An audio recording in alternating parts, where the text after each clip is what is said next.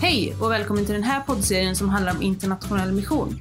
Jag som pratar just nu heter Elin och arbetar med kommunikation i Equmeniakyrkan. I den här podden kommer jag möta flera spännande personer där vi kommer tala om mission, internationella relationer och mycket, mycket annat. Just nu är Equmeniakyrkans församlingar inne i ett temaår som utgår ifrån bibelboken Apostlagärningarna. I det här avsnittet så pratar jag med Gerhard Wilhelmsen som är chef för internationella enheten. Vi pratar om Gerhard som person, hans sameintresse, men också om Equmeniakyrkans internationella mission. Så häng med! Pratar lite, eller liksom, vi börjar med att säga hej. Har du en penna här? Ja. Hej till varandra och sen så... Det är bara att ta till hand som jag kom på något. Ja, precis. Tack. Hej Gerhard!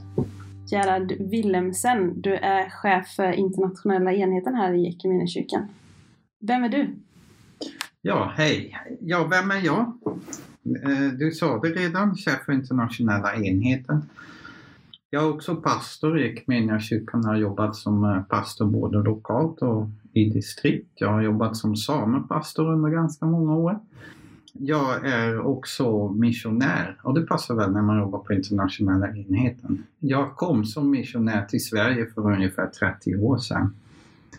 Okej, men får vi backa bak lite här. Vart kom du ifrån? Jag kommer från Nederländerna. Mm. Och hur hamnade du i Sverige?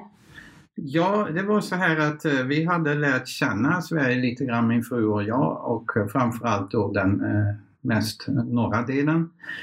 Och vi fick kontakt med, med eh, någon församling där och eh, ja, det uppstod tankar om att man kanske ska flytta dit och hjälpa till. Och det, ble- det utvecklade sig till en ganska tydlig kallelse.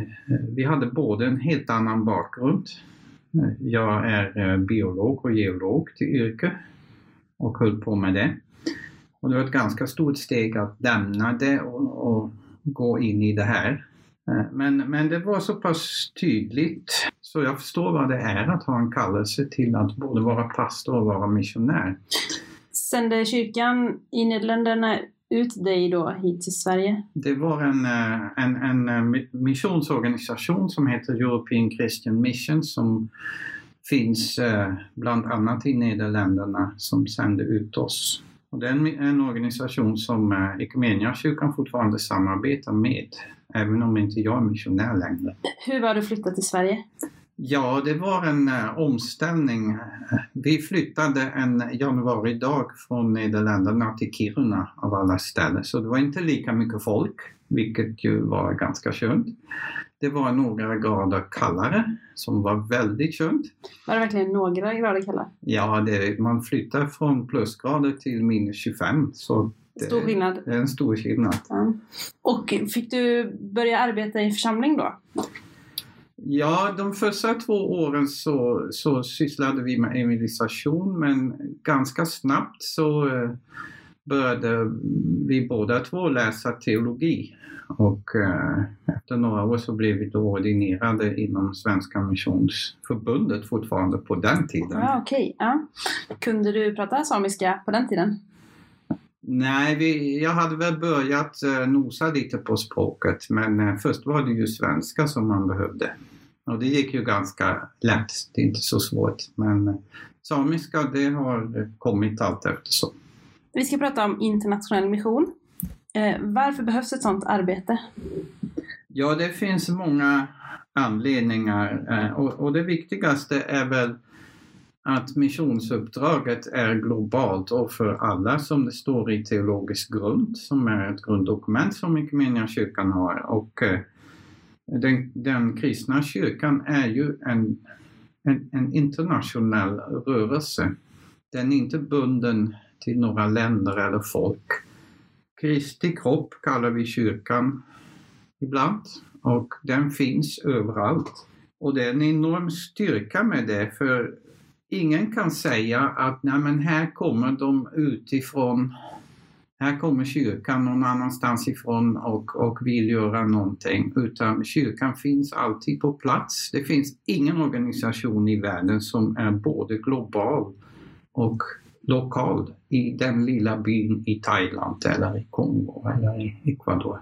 Så du menar att kyrkan har en unik position där? Ja, den har en unik position som inte ens FN har. Du, hur ser det ut i, i världen idag? Finns kyrkan överallt? Kyrkan finns eh, nästan överallt. Kristna finns väl, tror jag, i alla länder. Jag har inte riktigt kollat upp det, men, men så gott som. Organiserade kyrkor kan inte finnas överallt. Det finns ett antal länder där det inte går. På grund av lagar? På grund av eh, lagar och, och eh, myndigheter, till exempel Nordkorea. För att nämna ett exempel. Det finns några fler. Men nästan överallt finns kyrkan. Antingen legalt eller lite mindre legalt. Hur det ser ut i världen, det är ju det finns en tendens, tycker jag, att eh, jag växte upp i en värld som öppnade sig mot omvärlden. Och, och, det var en optimism om globalisering och så. Idag är det den motsatta trenden. I många länder, både i väst och i öst och i Europa, man stänger sig, man isolerar sig, vi ska se, se till vårt eget först. Och där är den internationella missionen en, en viktig motkraft, tänker jag. För vi i kyrkorna, vi är vana att mötas över alla gränser. Vi är vana att samarbeta. Vi ser värdet av det och det är en motkraft mot det här byggandet av murar som kan vara både bokstavligt eller ja, bildligt. Och det måste vi motarbeta. Mm. Eh, Equmeniakyrkan är ju ett, ett eh, relativt nybildat samfund och vi har ju vi har ju olika traditioner om olika bildarsamfunden med oss in när vi pratar internationell mission. Sen Equmeniakyrkan bildades så har det tagits fram nya verksamhetsmål och, och mål utefter internationell mission och vad har Equmeniakyrkan för mål?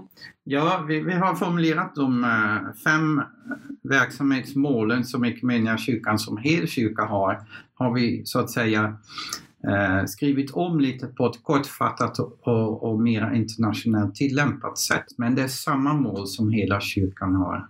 Det är att utveckla kyrka och församling, att nå de onådda, att förbättra människors levnadsvillkor, att stå upp för människors rättigheter och att utbilda bra pastorer och ledare.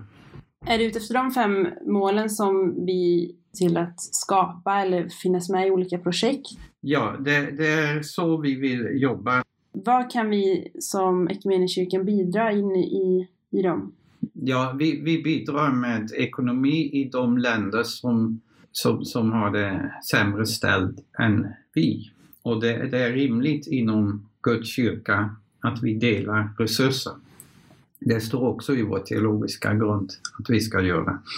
Vi bidrar också med eh, mänskliga resurser. Vi har ett antal missionärer ute, inte jättemånga, men det är viktigt. Det är viktigt inte minst att finnas hos varandra. Därför har vi faktiskt också missionärer i Sverige som kommer från andra länder. Det är lika viktigt. Men eh, det är inte pengar som är det första. Det första är relationen med våra samarbetskyrkor. Att underhålla den relation, att prata med varandra, att be för varandra, att be för våra samarbetskyrkor. Det kan vem som helst göra och det är jätteviktigt.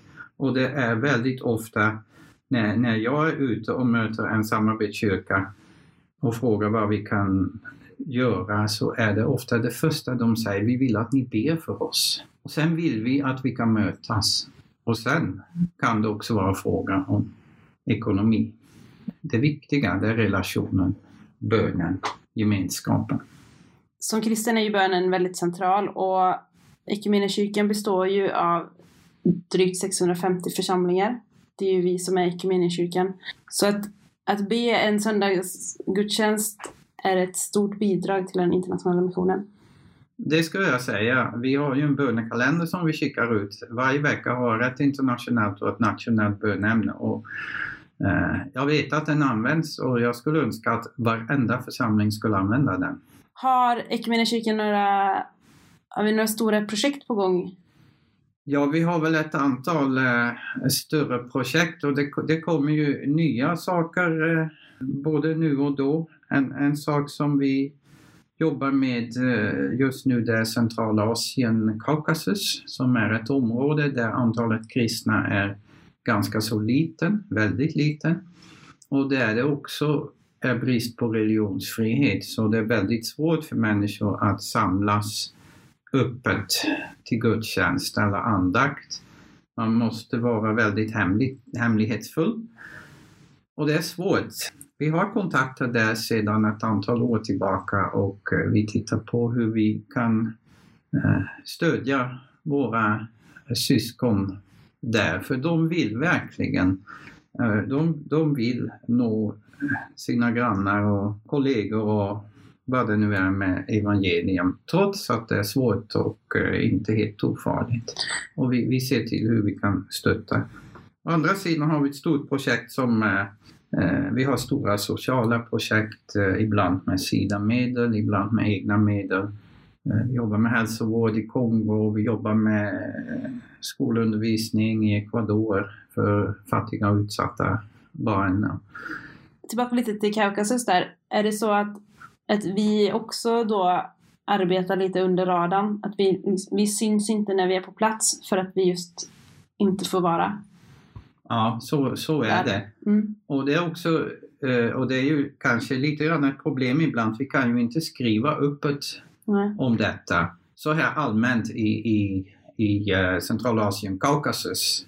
Det kan vi ju säga att vi har kontakter där, men vi kan inte säga att i det och det landet och det och den staden så jobbar vi med den och den personen. Nej det skulle vara farligt. Den kan hamna i fängelse eller det kan bli folk i grannskapet som blir arga eller vad det nu kan vara. Så att eh, vi kan inte publicera bilder när man möts till eh, andakt och bön. Mm. Och det, det, är lite problematiskt men, men så, så ser det ut. Ibland har jag väl eh, använt en bild när jag har berättat och visat bilder på kanske någon som blir döpt och så sätter man en, en svart, ett svart block över ansiktet. Bara för att visa så här ser verkligheten ut. Så här måste man göra när man bor i det landet och är kristen. Ett av målen var ju att utbilda pastorer och eh, ledare, bra pastorer och ledare. Ja, det har vi faktiskt i ganska många länder. Vi, eh, vi har en missionär i Kongo-Brazzaville som jobbar på eh, den teologiska utbildningen där och som bidrar med väldigt mycket. Vi har gett ett stort stöd till Teologiskt seminarium i eh, Wuhan i Kina som har eh, byggt större lokaler. Och trots att myndigheterna är väldigt skeptiska där så har man ändå fått till det och det har vi stöttat. Det är ett sätt att hjälpa kyrkan i landet att kunna göra sitt arbete genom att ge dem hjälpa dem till en möjlighet att utbilda sina ledare och sina pastorer. Sen är det inte så att det är vi här i väst som har den bästa teologin. Men vi, vi tillför något perspektiv härifrån. Vi har väl också tagit eh, eh, människor från de här teologiska utbildningarna till Sverige vid olika tillfällen och det bidrar väldigt mycket till oss för de har helt andra perspektiv på, på vissa saker. Så det utbytet är viktigt. Vad kan jag som en, eh, en liten del av en församling bidra med till internationell mission? Ja, då ska jag säga att den internationella missionen, eh, den tillhör inte något kontor i Alvik Stockholm, utan det är församlingarna som utgör kyrkan. Så all mission som vi pratar om, det är församlingarnas internationella mission. Och så är du en del av församlingen. Och det, det innebär, det är ganska fantastiskt, när du ber eller när du ger av dina tillgångar så är du med och bär detta missionsarbete som är det också din mission. Och sen så kan du engagera dig praktiskt, eller det kan församlingen göra, genom att skaffa sig kontakt med en viss missionär, skaffa sig en vänförsamling, ha kontakt med, med, med ett visst projekt och följa det mycket närmare kanske än allting annat. Så, så har man också den känslan att jag, jag hör ihop med just den här delen. Men genom att vara engagerad så, så är det din mission och så är det din församlingsmission. Ska vi sammanfatta lite vad vi har pratat om? Lite kort då. Varför behövs internationell mission? Det behövs därför att kyrkan är en kyrka på hela jorden och då behöver vi ha kontakt med varandra. Vi kan bidra med mycket, men framförallt genom bön. Ska vi upprepa de här fem verksamhetsmålen igen? Ja, det kan vi göra. Ja. För de är viktiga. Att utveckla kyrka och församling, att nå de onådda, att förbättra människors levnadsvillkor, att stå upp för människ- människors rättigheter och att utbilda bra pastorer och ledare. Men ska vi avsluta här då Gerhard med fem snabba frågor tänkte jag. Så vet vi lite mer vem, vem du är. Så vi ställer första frågan då. Favoritplats på jorden? Ja, det är Sápmi, samernas land. Möjligen Stalulokta i Padjelanta. Fråga nummer två. Mest lyssnade låten på Spotify? Ja, nu har inte jag Spotify, Nej. men eh, jag lyssnar väldigt mycket på Aili Skaltie som är en samisk mässa som Frode Fjällheim har skrivit. Och var hittar man den om man inte hittar den på Spotify? Ja, jag har den på en Ja, CD-skiva. CD, okej. Jag är så gammaldags vet du. Okej. Fråga nummer tre. Varför internationellt engagemang? Därför att eh, tillsammans som kristna kyrkor över hela världen så speglar vi Guds fullhet och Guds avbild på ett mycket bättre sätt än bara vi i Sverige. Fråga nummer fyra. Senast lästa bok? Torgny Lindgrens Batseba. Var den bra? Den är mycket bra. Bra. Och fråga nummer fem. Det bästa med Equmeniakyrkan? Ja, jag tycker det bästa med vår kyrka är den enorma bredden vi har i teologi och traditioner.